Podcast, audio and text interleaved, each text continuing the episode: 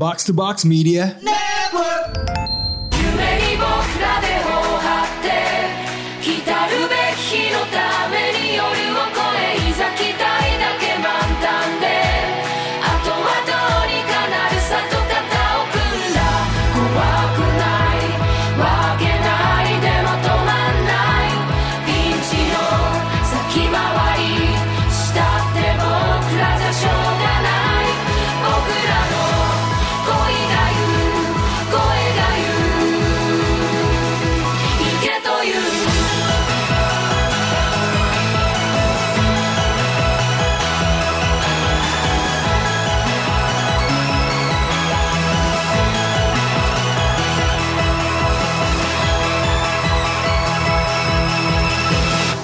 Konnichiwa. Konbanwa. Kondoru. Andre. Kembali lagi ke Otaku Box XPN Media. Podcast Jepangan Fafifu Aswes Pawaling apa hari ini? Hari ini Pawaling original. Original, OG. Original, OG. Pawaling krisis. Pawaling krisis. Wow, wow, gila ya. Oke. Tapi sebelum ke, ke krisis kita mau ke mana dulu? Sebelum krisis kita mau ke update-update dulu. Oke. Siap. Seperti biasa. Em, saya ada beberapa update. Oke, cepet Em, aja kita tuh harus cepet soal tapping ini, Bung. Betul betul ya karena sayangnya ya kita nggak bisa menceritakan kejadian hari ini ya walaupun Iya, ini naiknya aduh. Sabtu ya ini naiknya Sabtu tapi kita nggak bisa eh, ngomongin kejadian hari ini Aduh gitu ya. gila nih malam pasti nih. makanya nih makanya paling pa- pendengar Otaku Box bisa lah ngeliatnya nanti di story story aja gitu. Jangan lupa follow at Tori Kaizoku. Pesan update gue cuma satu loh Masa CEO Kartel Podcast? Ke Ben Hill Ngeprint lirik lagu One Piece tau gak Di, di pamflet. Ini kerja macam apa ini anjing? Biasanya eh, biasanya CEO kan ya kayak eh kamu print kamu print. Iya iya iya iya, iya. Sekarang Aduh, kayak ini saya yang Soalnya print. udah udah double job kan Jadi kayak Mau gak mau Di begini kan gua, Kita ownernya bukan kayak CEO kan. Jadi iya Itulah iya, kita lagi tegang banget ya Kuningan Gila, nih gila. Kuningan Wah ini buka. apakah pintu yang terbuka ini adalah Baus? bukan kelihatannya Oh, bukan. bukan bukan Oke, baik. iya jadi Oh ternyata talentnya Baus yang mas iya talentnya talentnya, Oke, bukan itu itu itu aja update dari gua hari ini. Oh, oke oke oke. Em, kalau lu Fik deh update bentar.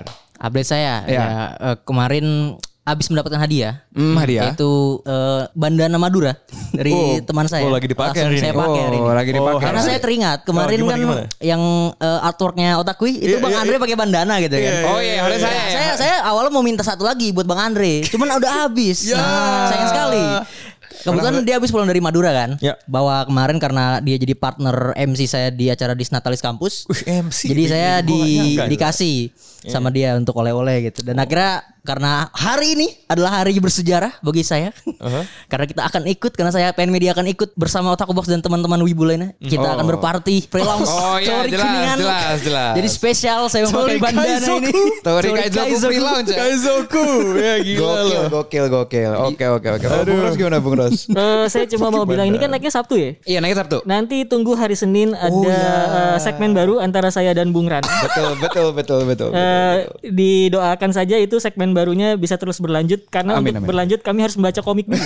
betul, betul, betul. Ini segmen Pawaling Fafifu lagi. Atau- Lumayan Fafifu kali. ya. Lumayan lumayan, Fafifu. lumayan, Lumayan lumayan. Ini, ini jatuhnya apa ya? Kalau ini Fafifu politik, ini tuh kayak skena literatur. Skandal literatur wibu. Gila loh, ini ini the pavilion puisi shit gitu loh, men. Anjing. Kagak, enggak, enggak, enggak. Jadi ini kalau kalau kalau eh, sama Pian kan kita episodenya ini kayak wah kuliah gitu kan. Kalau ini kayak kita ke pos di Santa tau gak? Diskusi buku. iya gitu. Wah, ada apa? Oh enggak, ini eh, Ubud Writers Festival. Anjing. Anjing. Gila Siap. pantesan tadi kita ngobrol tuh kok kayak gue dengar burung-burung berkicau gitu. Kok gue nengok di jendela Cipete ini ada sawah. Iya iya iya iya. Ada orang-orang sawah yang dilihat Thanos tau kayak oh, ternyata di gue di Ubud. nih. Terima kasih loh, saya diberikan eh, ide untuk editannya nanti hari Senin loh. Terima kasih terima kasih. tapi tapi tapi tapi ya. Mungkin gak sih karena gini gue tuh nggak pernah eh, kayak ke Ubud dan kayak nongkrong gitu loh. Hmm. Gue nggak pernah escape ke Ubud, gue nggak pernah nginep ke Ubud. Gue cuma pernah ke Ubud sekali waktu lagi nyari floating tank buat Oh, Dex iya, ketika box iya. box outing dan ternyata tutup floating tank Iya, iya, itu Dex What the itu juga fuck do we go up to the mountains gitu kan. Cuma mungkin gak sih kan kalau di Ubud oh orang tuh baca buku gitu ya di pohon-pohon. Ada nggak yang kayak pas lu lihat dia lagi buka shonen jam gitu. ya. Harusnya ada gak sih? Harusnya. Ada gak sih? Itu gua kalau misalkan ke Ubud. Lu ke Ubud ya? Terus ke Ubud. kalau gua ke Ubud kayak begitu bisa-bisa. Lu kalau misalnya ada mangaka selain Roda yang tiba-tiba ngisi Ubud Writer Festival, tiba-tiba oh kok bisa gitu. Selain enggak, selain Oda mau Urasawa deh lupa gua. Oke. Orang ketiga siapa yang lu pengen lihat? Yang gua pengen lihat Tiba-tiba ada nih Ubud Writer Festival, ada mangaka gitu. Gege Akutami paling. Oh iya ya. GG, iya. Dan lu pengen lihat GG Akutami itu bentukannya apa? Betul. Kan gak ada yang tahu ya? Gak ada yang tahu. Setuju, setuju, setuju. Gila Dan karena yang gue baca-baca dia kan ini kan cukup eh, setia sama budaya asli Jepang kan. Hmm. Dengan gimana lu apa eh, underworld gitu bukan lu di banish tapi lu belajar living with it. Iya. Kayak gitu segala macam Iya, gitu. Iya, iya, iya. gue tuh penasaran banget karena karena kita nggak tahu. Ini bahkan lebih dari Oda ya. Oda tuh kita masih tahu dia tuh cowok. eh. Iya iya iya. Kalau lu buka Wikipedia-nya Akutami itu day loh. General Betul, betul, Iya, betul. gue kepo anjing. Ya dan karena gue I have this take kemarin for for me ya. Jujutsu Kaisen itu adalah Harry Potter yang pengarangnya tidak transfobik sebenarnya. Iya iya. Iya iya gitu. iya. Dan alangkah menariknya kalau ternyata GG Akutami itu juga ada di spektrum itu gitu. Iya, Tapi itu true. bukan posisi. Gue terlalu ciset itu untuk untuk untuk bisa ngomong soal itu. So anyway, itu kali ya. Anything else you wanna add? Ada anything dari Otaku Lebanon pilih satu Henry. Tentu ada. em, Oh, eh bukan Otaku Lebanon udah kemarin ya? udah, udah, udah. Otaku apa nih?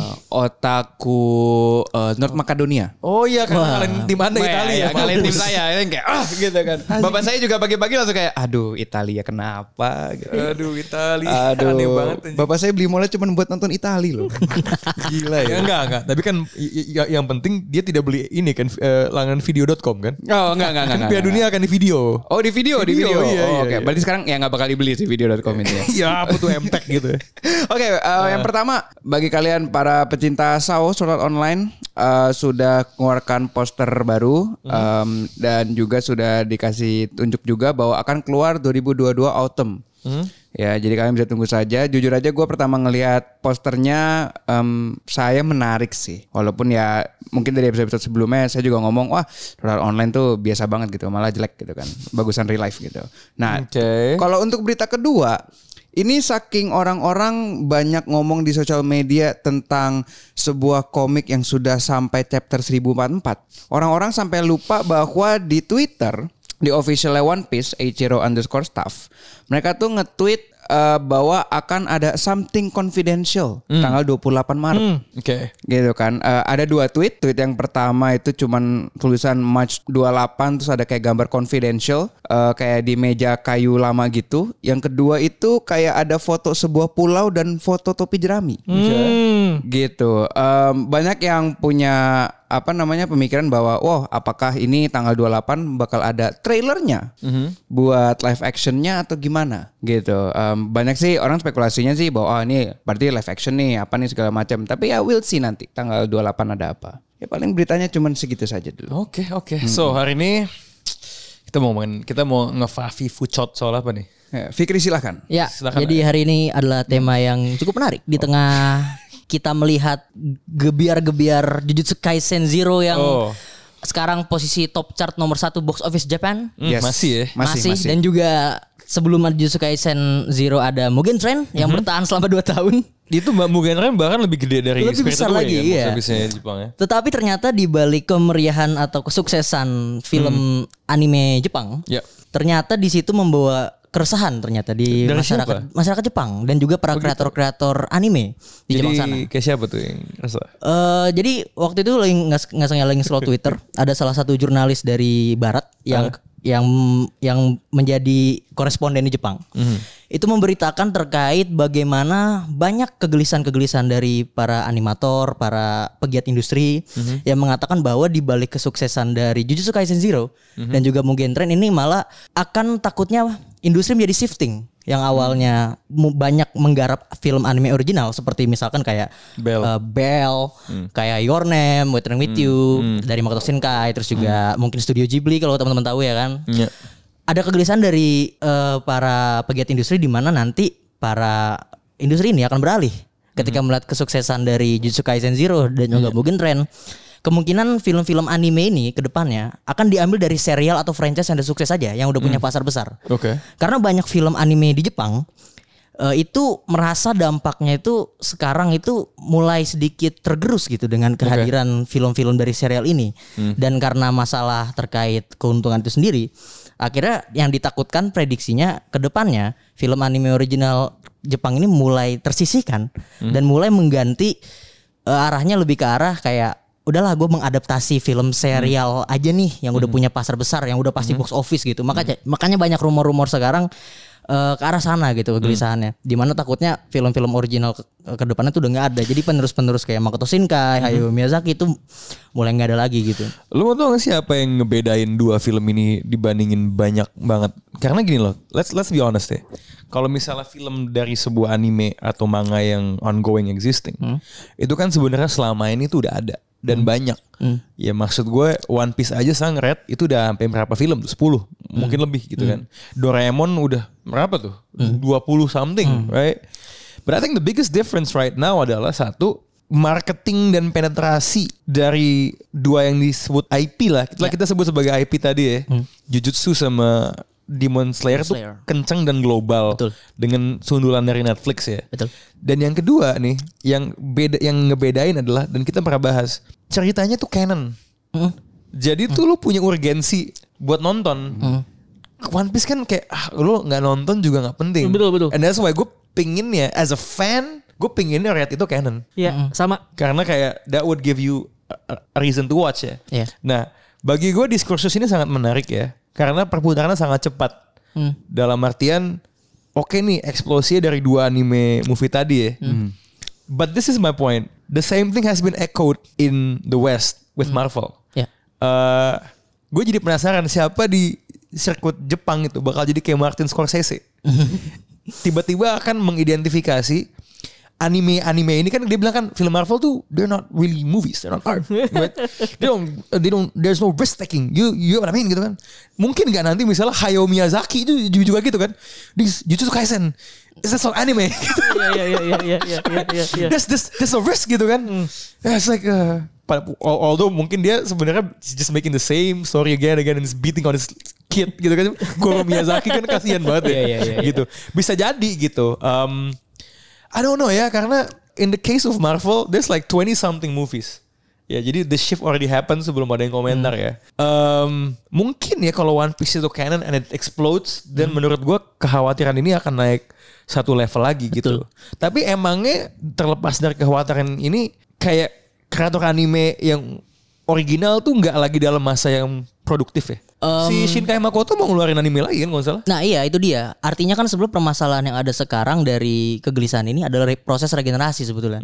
Kalau kita melihat sutradara-sutradara yang emang udah keren, yang udah punya pasar kayak Makoto Shinkai atau mungkin um, Hayao Miyazaki atau mungkin studio Ghibli, Mamoru Hosoda itu mungkin sudah punya pasar sendiri dan dan film-filmnya kita nantikan gitu kan.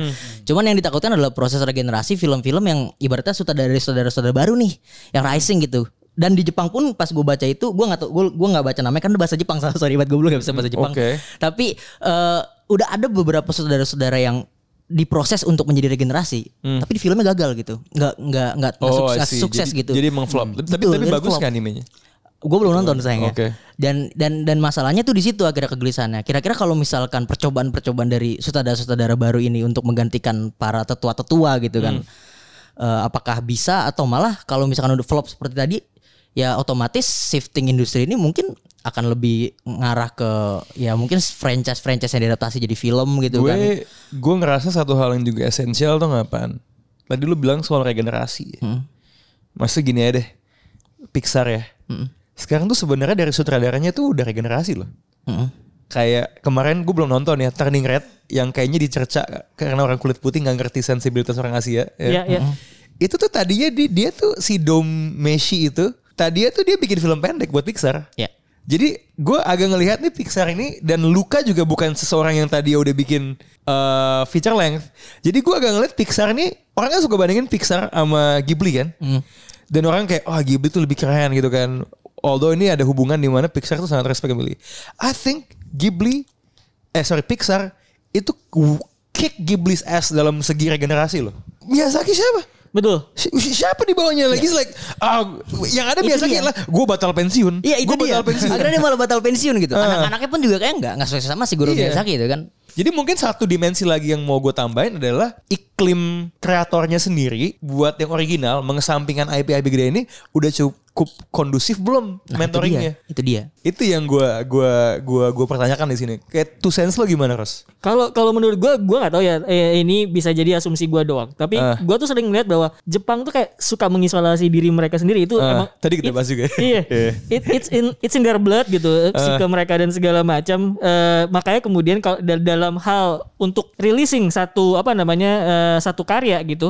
S- eh, yang jadi eh, yang yang mentoring ke yang muridnya, yang murid itu udah beneran kayak di- perlu dipecut dulu gitu loh. Hmm. Jadi eh, kalau misalkan gue kayak ngeliat Pixar kayak lu di encourage. Lu ya lu lu mau lu mau lu mau bikin sebuah cerita ya udah lu start dari sebuah eh, apa namanya film pendek dulu. Eh, short short movie yang sebelum eh, film aslinya Pixar itu tayang gitu kan. Nah itu kan bentuk encourage gitu. Gua kadang-kadang lihat Jepang itu kayak lu dipecut dulu sampai lu bener-bener perfection lu baru boleh menghasilkan karya. Ya. kayak begitu. Eh, dan itu kan kayak di semua hal juga kadang gitu. Di pottery Ya. gitu kan. Terus di hal-hal lain juga sama gitu. Jadi hambatannya tuh di situ gitu. Ada ada ada apa tendensi untuk eh, isolasi dulu isolasi diri dulu sampai matang baru kemudian keluar gitu untuk nunjukin diri. Dan menurut gua ya itu kayaknya yang bikin eh, Jepang sama Korea gitu ya. Kan dalam be- beberapa tahun lalu sempat ada isu kan bahwa eh, Korea itu bisa kicking ass Jepang dalam hal eh, manga karena Korea itu kan ngumbar kan. Lu lu lu di webtoon segala macam bisa baca manga dengan dengan dengan scrolling gitu. Sementara Jepang kan susah banget buat akses mangganya gitu. Hal-hal kayak gitu loh yang menurut gua bisa hampering sebetulnya. Hmm, oke oke oke oke. Ya, ya, nah itu dia yang jadi masalah itu sekarang kalau kita ngeliat top chart box office di Jepang gitu ya. Kebanyakan tuh kalau film anime itu ya serial. Yang film anime originalnya tuh paling kayak semacam dari Makoto Shinkai aja gitu, Weathering with Your Name, terus juga Bele Mamoru Osoda. Terakhir itu The Wind Rises 2013 tuh, Iya, Hayao iya, iya. Miyazaki Iya, gitu. Miyazaki kan. Sisanya, lagi. sisanya ya udah film anime eh, kayak Detective Conan, kayak misalkan apalagi tuh ya eh Jujutsu Kaisen Zero yang sekarang gitu sama Mugen Train. Jadi ini ketakutannya ya itu masalah masalahnya proses regenerasi itu nggak nggak cuman menjadi problem di film anime gitu, tapi juga di serial anime pun juga juga menjadi Iya. problem juga gitu kan. Juga udah banyak juga kalau kita ngelihat bagaimana eh, krisis sutradara baru atau animator baru gitu di Jepang sekarang gitu kan. Makanya kebanyakan mungkin outsourcing ini dinilai bukan sebuah hal yang bagus juga dalam tanda kutip gitu kan. Ini malah melihat kayak kok perpindahan pekerja animator ini udah mulai ke luar Jepang sendiri. Apakah sebetulnya Jepang ini membuka pasar baru, membuka market baru atau membuka tenaga kerja baru atau malah di Jepangnya sendiri yang krisis gitu kan. Iya, nah, iya. jadi ini yang dipertanyakan gitu oleh para mungkin pegiat-pegiat ani, anim- anime. Nah ya, ya nah uniknya tuh di Jepang ini yang mengencourage isu ini itu jurnalis dari luar, dari Nah, Amerika, kan? bukan Nah, dari kan? Jepangnya Oh, iya, gitu bukan kan. dari Iya. Jepang. itu orang yang ber- yang punya sikap berbeda gitu kan. Iya, iya, iya, Bener-bener. iya, Eh, di negaranya sana di gua sih ya udah lu encourage aja bikin karya gitu nggak usah nunggu dulu gitu. Iya, masalah ini kayaknya emang maksudnya mungkin kultur Jepang yang apatis terhadap isu-isu kayak gini mungkin ya. Bahkan kalau kita ngomongin isu terkait Masalah penolakan baru gitu loh.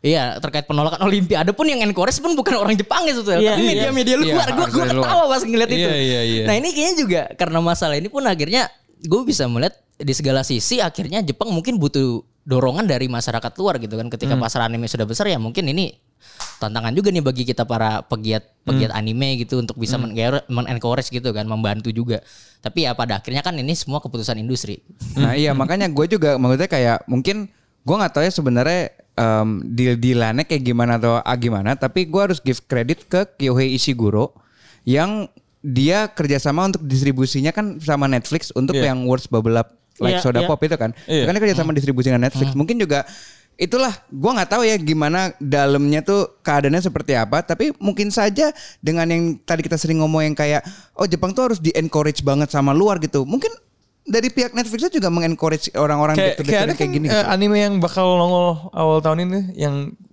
castnya tuh kayak behind the scene-nya tuh kayak all star semua itu. Bubble. Ya tuh Bubble tuh kayak itu kan bukan sesuatu yang kayaknya ya, setahu gue bukan kayak dari ongoing series kan. ya Jadi kalau ada stimulus-stimulus seperti itu sih menurut gue that would help ya.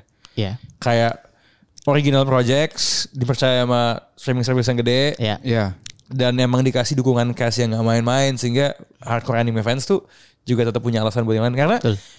mungkin bukan bioskop ya dan Netflix tidak pernah mengeluarkan datanya, tapi percayalah bahwa acara yang paling sering nonton di Netflix itu Pasti. comparable dengan Comparable. dengan Jelas. dengan some big apa box office anime sih. So that's probably one way of of, of it growing Ya, gitu. salah satu jalan ya. Dukungan dari eh, layanan streaming yang mungkin juga sudah melihat pasar anime itu begitu besar gitu. Iya. Tapi dari Jepang sendiri kalau nggak mau encourage ya udah kita saja encourage. Emang harus dari fans-fansnya juga ya untuk encourage saya. Mungkin Baus ada take kita baru kedatangan Baus. Iya. Dia Soal baru saja datang. Anime-anime original akankah tergerus dengan banyaknya anime yang laku yang itu adaptasi dari komik kayak Mugen Train kemarin atau yang paling hangat Jujutsu Kaisen. Apakah anime original ini terancam di Jepang, Bos? Sudah pasti. Karena saya datang dengan mata sales ini dia. anime original. Apakah menjual? Kapitalisme berjalan ya. Itu dia. Kapitalisme berjalan. Iya, kalau kan kalau misalkan lu mau mencoba bikin karakter original baru gitu ya atau misalkan another Ghibli universe gitu kan. Iya, gimana dong? Eh either lu emang sengaja bikin itu pilot project yang emang buang uang gitu atau ya ikuti tren gitu.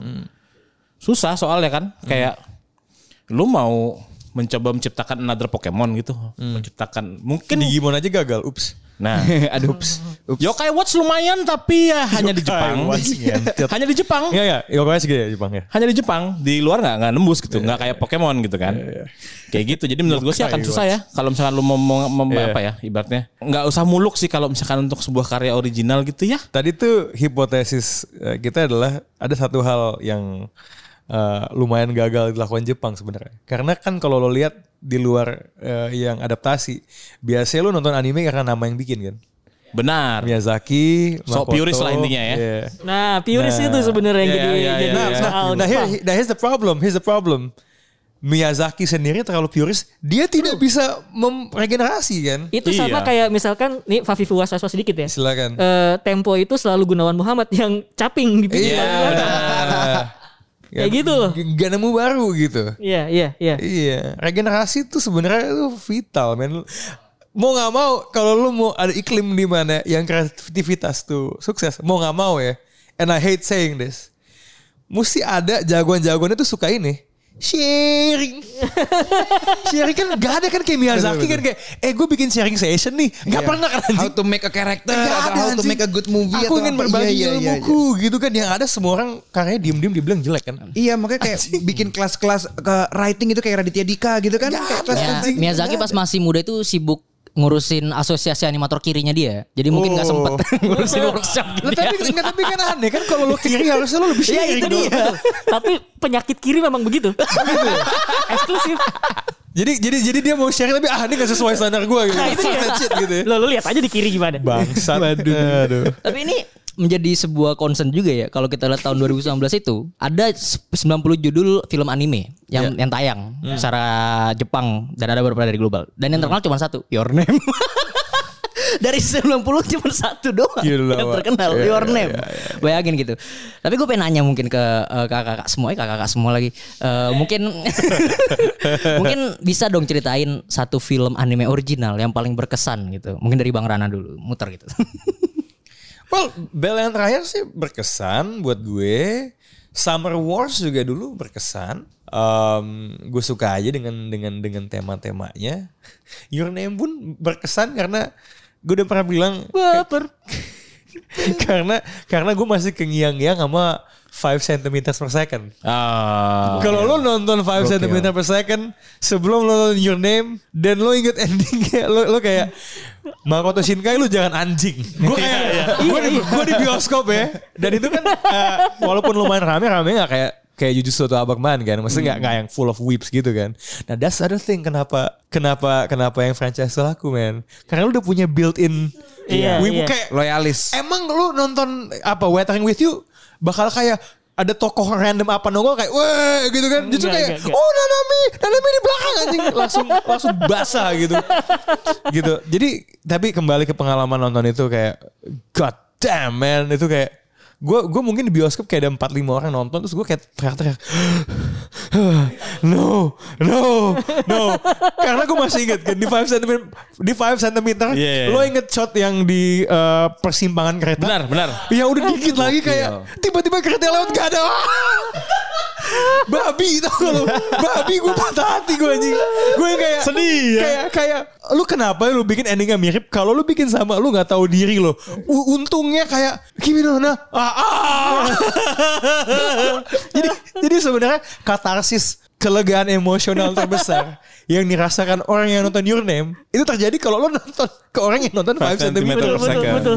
Oh my god man Crazy gue, crazy gue, crazy gue. Itu gue jantung gue balapan itu. Walaupun gak ada yang gak ada bunuh-bunuhan nggak pergi jantung gue balapan nonton itu man.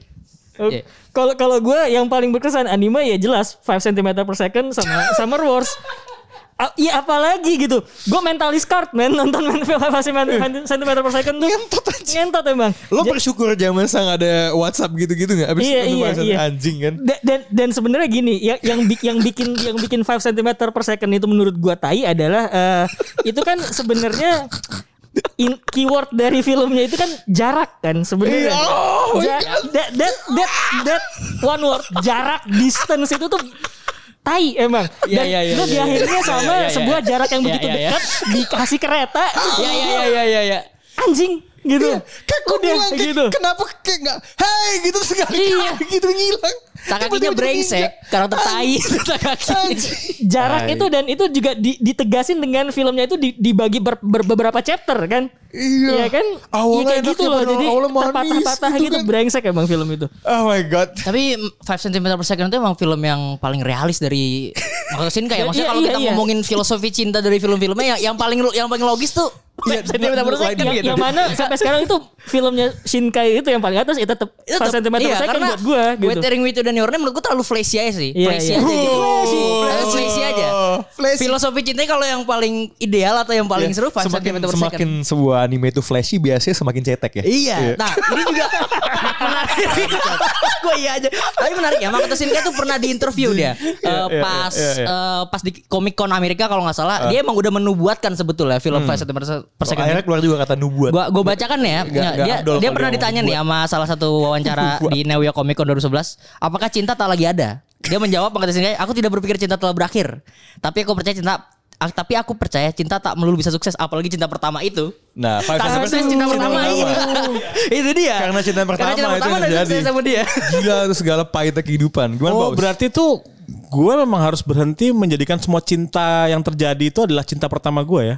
Itu dia Baus Itu Ah, Makoto Shinkai. Makoto. Shinkai. Makoto Shinkai itu sedang Baus Jangan cancer deh Zodiak kelakuan jangan cancer enggak Gue enggak, selalu materi cinta gue yang muncul itu seperti Aduh, cinta pertama gue. aduh, Dan itu salah ternyata kata Makoto Shinkai ya. Anjir gua- Iya. gua juga cancer man Tuh kan ya udah sah. tapi gue tidak begitu juga gitu Oh iya. iya. Oh iya, iya, iya. dia Ini cancer, nih, cancer.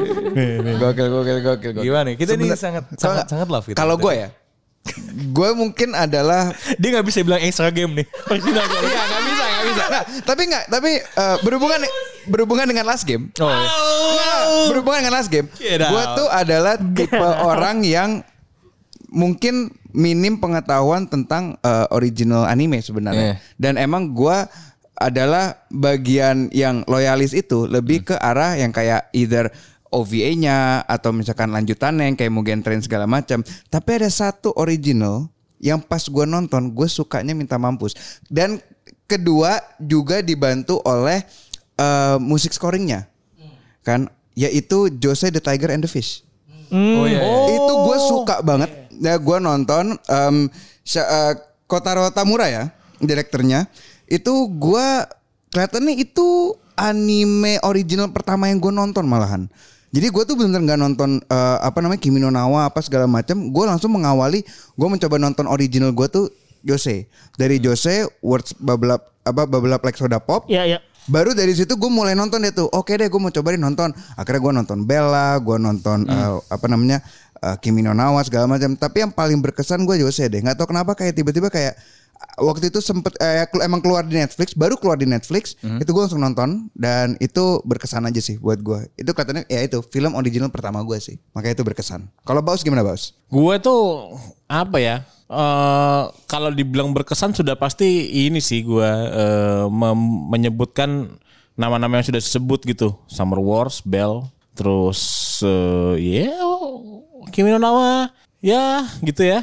Paling sih yang baru-baru ini gue tonton yang gue pernah cerita juga di Otaku Box, eh, Angels X sih gitu. Film lama banget dan itu apa sangat apa namanya ya edgy banget nih gitu loh. Yang memang lu harus cult banget men- apa mencari tahu isi apa sih isi kepala yang bikin tata. Tentang eh, gimana pergolakan hatinya si apa anim, animatornya itu eh apa yang nyiptain itu mau pindah agama ternyata. Jadi dijadiin film gitu dan wow anime gitu. Kayak wah gila oke juga nih gue nonton ulang. Kayak anjing mules gua kan.